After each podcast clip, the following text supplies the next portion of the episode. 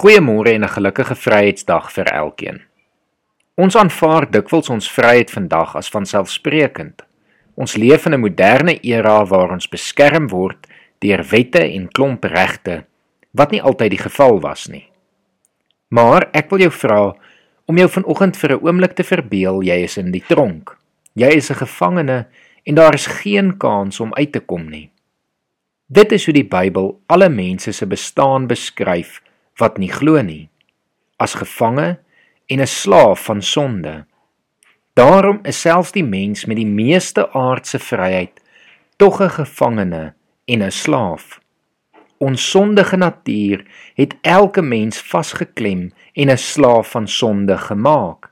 Elke mens is daarom ook 'n gevangene wat wag vir die doodstraf. Efesiërs stel dit eintlik nog erger deur te sê ons was eintlik reeds almal dood.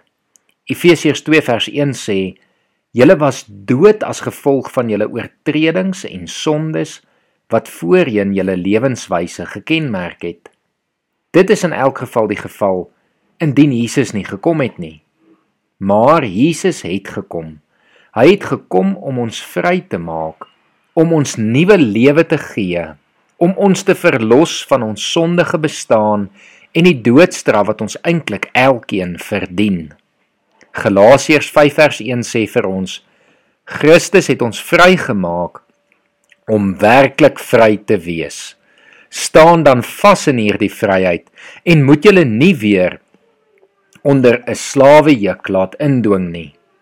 In vers 13 herhaal hierdie gedagte wanneer Paulus skryf en sê: "Julle is tot vryheid geroep moet net nie julle vryheid misbruik as 'n verskoning om sonde te doen nie, maar dien mekaar in liefde. As gelowige is ons dus vrygemaak, nie net tydelik nie, maar vir ewig. Christus het vir ons 'n nuwe identiteit gegee deur sy Heilige Gees. Ons lees in Romeine 8 vers 15: Die Gees wat aan julle gegee is, maak julle nie tot slawe nie, en laat julle nie weer in vrees lewe nie. Nee, julle het die Gees ontvang wat julle tot kinders van God maak en wat ons tot God laat roep. Abba. Dit beteken Vader. Elke gelowige is vrygemaak as 'n kind van God en kan nou in ware vryheid lewe met die wete dat jy vrygemaak is vir ewig. Kom ons bid saam. Here, dankie dat U ons vrygemaak het. Dat U ons verlos het van ons sonde.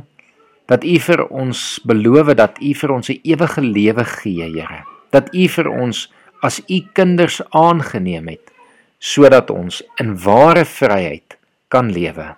Ons dankie daarvoor en ons loof U daarvoor en ons doen dit deur Jesus Christus se naam alleen. Amen.